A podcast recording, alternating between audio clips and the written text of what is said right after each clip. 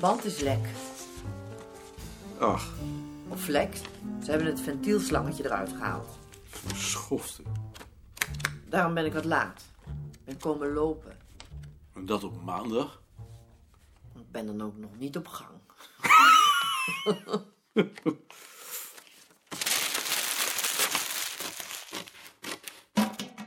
Dag Maarten. Dag Bart. Marietje moest verschrikkelijk lachen toen ik vertelde dat jij van de ladder was gevallen. En was hij dood?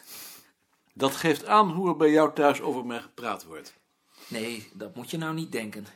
Ik was echt heel ernstig toen ik dat vertelde, maar zo reageren kinderen nu eenmaal. Kinderen zijn slecht. Kinderen zijn eerlijk. Dat vind ik nou juist het aardige van kinderen. Heb jij in het handelsblad van een week geleden dat portret van Arnoldus Imming gelezen? Die verzekeringsman, Wat vond je daarvan? dat vond ik wel aardig. Maar ook wel benauwend. Benauwend. Misschien omdat hij zo tevreden was met zijn werk. En door die rancuneuze uitval naar de harsjerokers. Maar ook wel de aard van het werk. Je moet er toch niet aan denken dat wij hier de hele dag schadeclaimformulieren moesten controleren. Dat heeft nou juist wel iets heroïs. Dat komt dicht bij de zandhoop van Ad. Dag Maarten, dag Bart. Dag, Ad. Dag Ad. Nee, dat kan ik nou echt niet heroïs vinden. Omdat het zo kaal is. Het heeft geen enkele pretentie. Je kunt jezelf niets wijs maken. Je doet je werk, je gaat om half zes naar huis, pantoffels aan, een borreltje, een Hollandse maaltijd, de krant en op zaterdagmiddag het aquarium verzorgen. Prachtig. Ik denk dat jij de laatste bent die daartoe in staat zou zijn. Waarom? Omdat jij nooit zonder spanning zou kunnen leven. Waar hebben jullie het over? Over het portret van Arnoldus Imming in het Handelsblad. Dat was er zeker in de zaterdageditie. Wat ik wel benauwend vond, was dat die man met een auto naar zijn werk ging. Ik heb dat opgezocht in de telefoongids en op de kaart. Maar hij woont maar een kwartier lopen van zijn werk. Dat was me nog niet opgevallen. Als dat zo is, dan valt me dat inderdaad niet mee. Zo'n man moet lopen of fietsen. Zo'n fiets met zo'n dubbele stang en met een verhoogd zadel. En broekgespen. maar met een auto wordt het een meiering in verzekeringszaken. Oh, Met meneer Meijering zou ik hem niet willen vergelijken. Die doet nu juist wel zinvol werk. Het heeft meer pretentie, maar het is net zo zinloos. Als het niet zinlozer is zelfs. Nee, nee, dit ben ik toch niet met je eens. Ad, Manda is bezig met de kaart van de trouwring. Maar ze heeft er eigenlijk begeleiding bij nodig, want ze heeft dat nog nooit gedaan. En ik heb het op het ogenblik te druk met die lezing over de wieg. Zou jij dat willen doen? Kan die dat, dat niet doen? Jij hebt meer ervaring met het maken van kaarten. Maar ik doe het niet. Waarom niet? Ik kan geen leider zijn. Goed, doe ik het zelf wel. Ik had twee van zulke pennen op mijn bureau. Deze heb ik bij jou teruggevonden. Heb jij de andere misschien ook? Alsjeblieft. Meneer is verzamelaar. Kijk maar of je erbij is. Dit zou hem kunnen zijn. Neem hem dan maar. Dank je. Ik zal ze voortaan merken.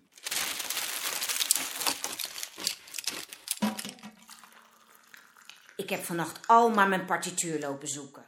En? Heb je hem gevonden? Nee, ik werd wakker voor ik hem gevonden had. Wat eh, betekent dat nou, halve? Gewoon iets seksueels. Nee. Dat betekent toch gewoon dat ze met een onopgelost probleem rondloopt? Het een sluit de ander niet uit. Hé, hé, eh, we zijn weer thuis. Maar dan wel zonder partituur. Hij lult hoor, het is gewoon net zoiets als de treindroom. Nou, ik denk dat ik gewoon iets verkeerds gegeten had. Welke treindroom? Dat je een trein mist. Heb jij dat wel eens gedroomd? En ook dat ik hem haalde.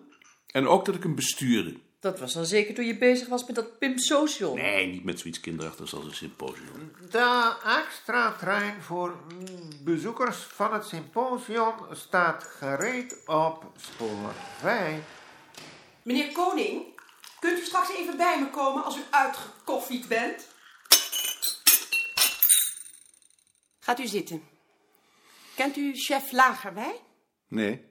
Hij heeft gesolliciteerd naar de plaats van Flip de Fluiter. Nee, hoe zou ik die kennen?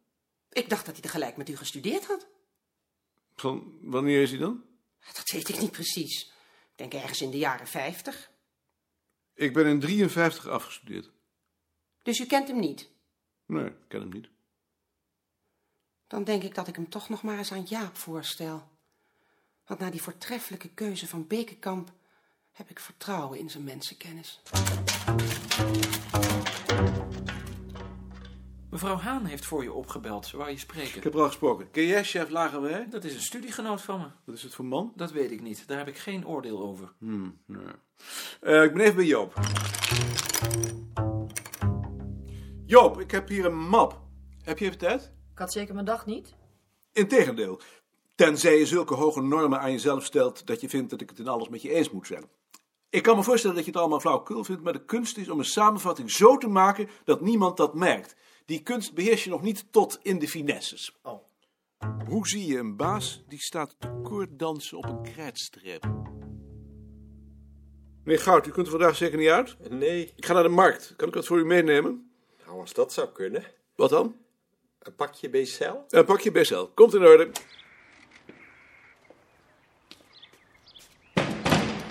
En wie zal ooit weten wat een aardige, sympathieke, niets-eisende, vriendelijke, zachtaardige, menselijke man ik ben? Zien. Moet je zien wat ik gisteren in de bibliotheek gevonden heb. Het zijn gewoon Europese verspreidingskaarten. Precies wat wij nu maken. Dat we dat niet kenden. Gek. Ik had er nog niet eerder van gehoord. Je hebt hem zeker nog nodig.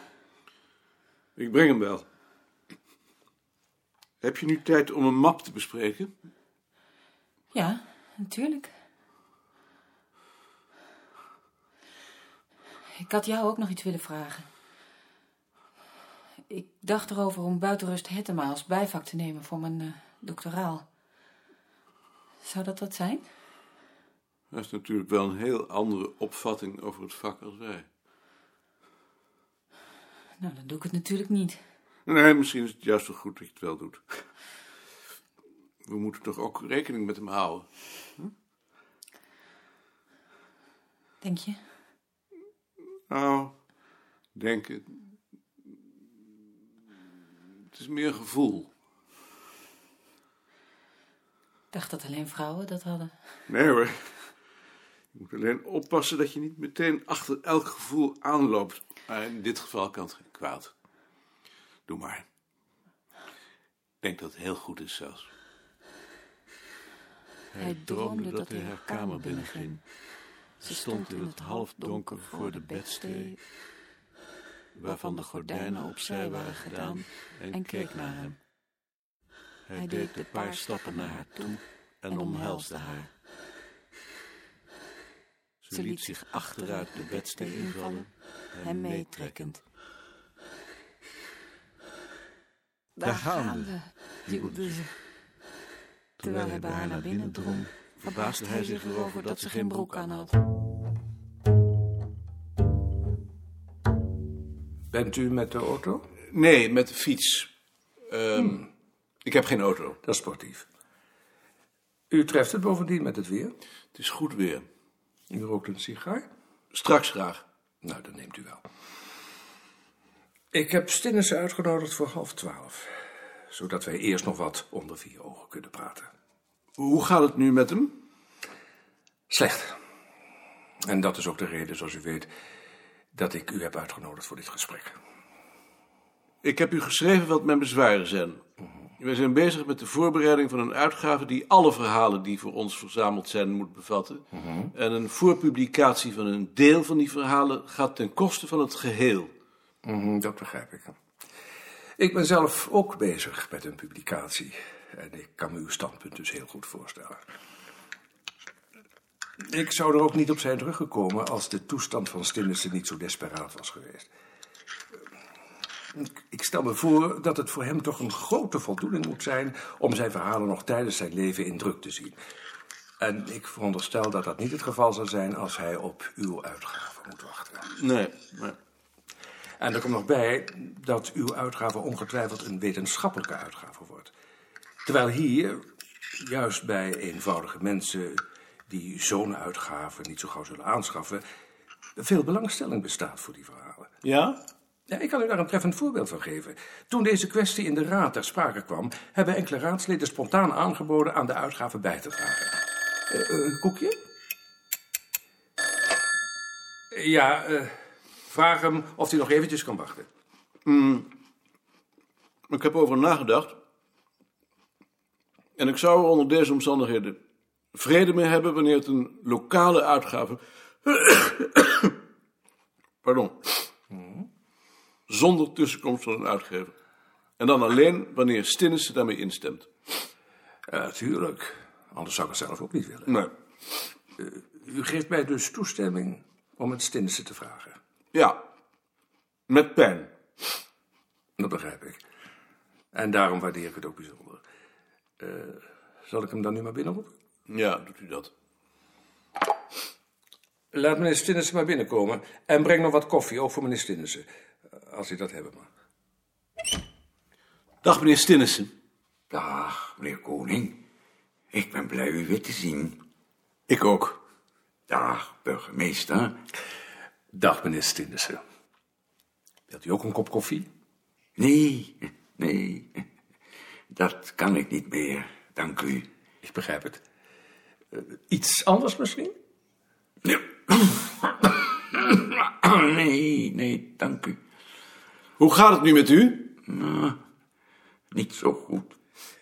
Maar u bent in ieder geval nog op de been. Ja, dat wel, maar hoe lang nog?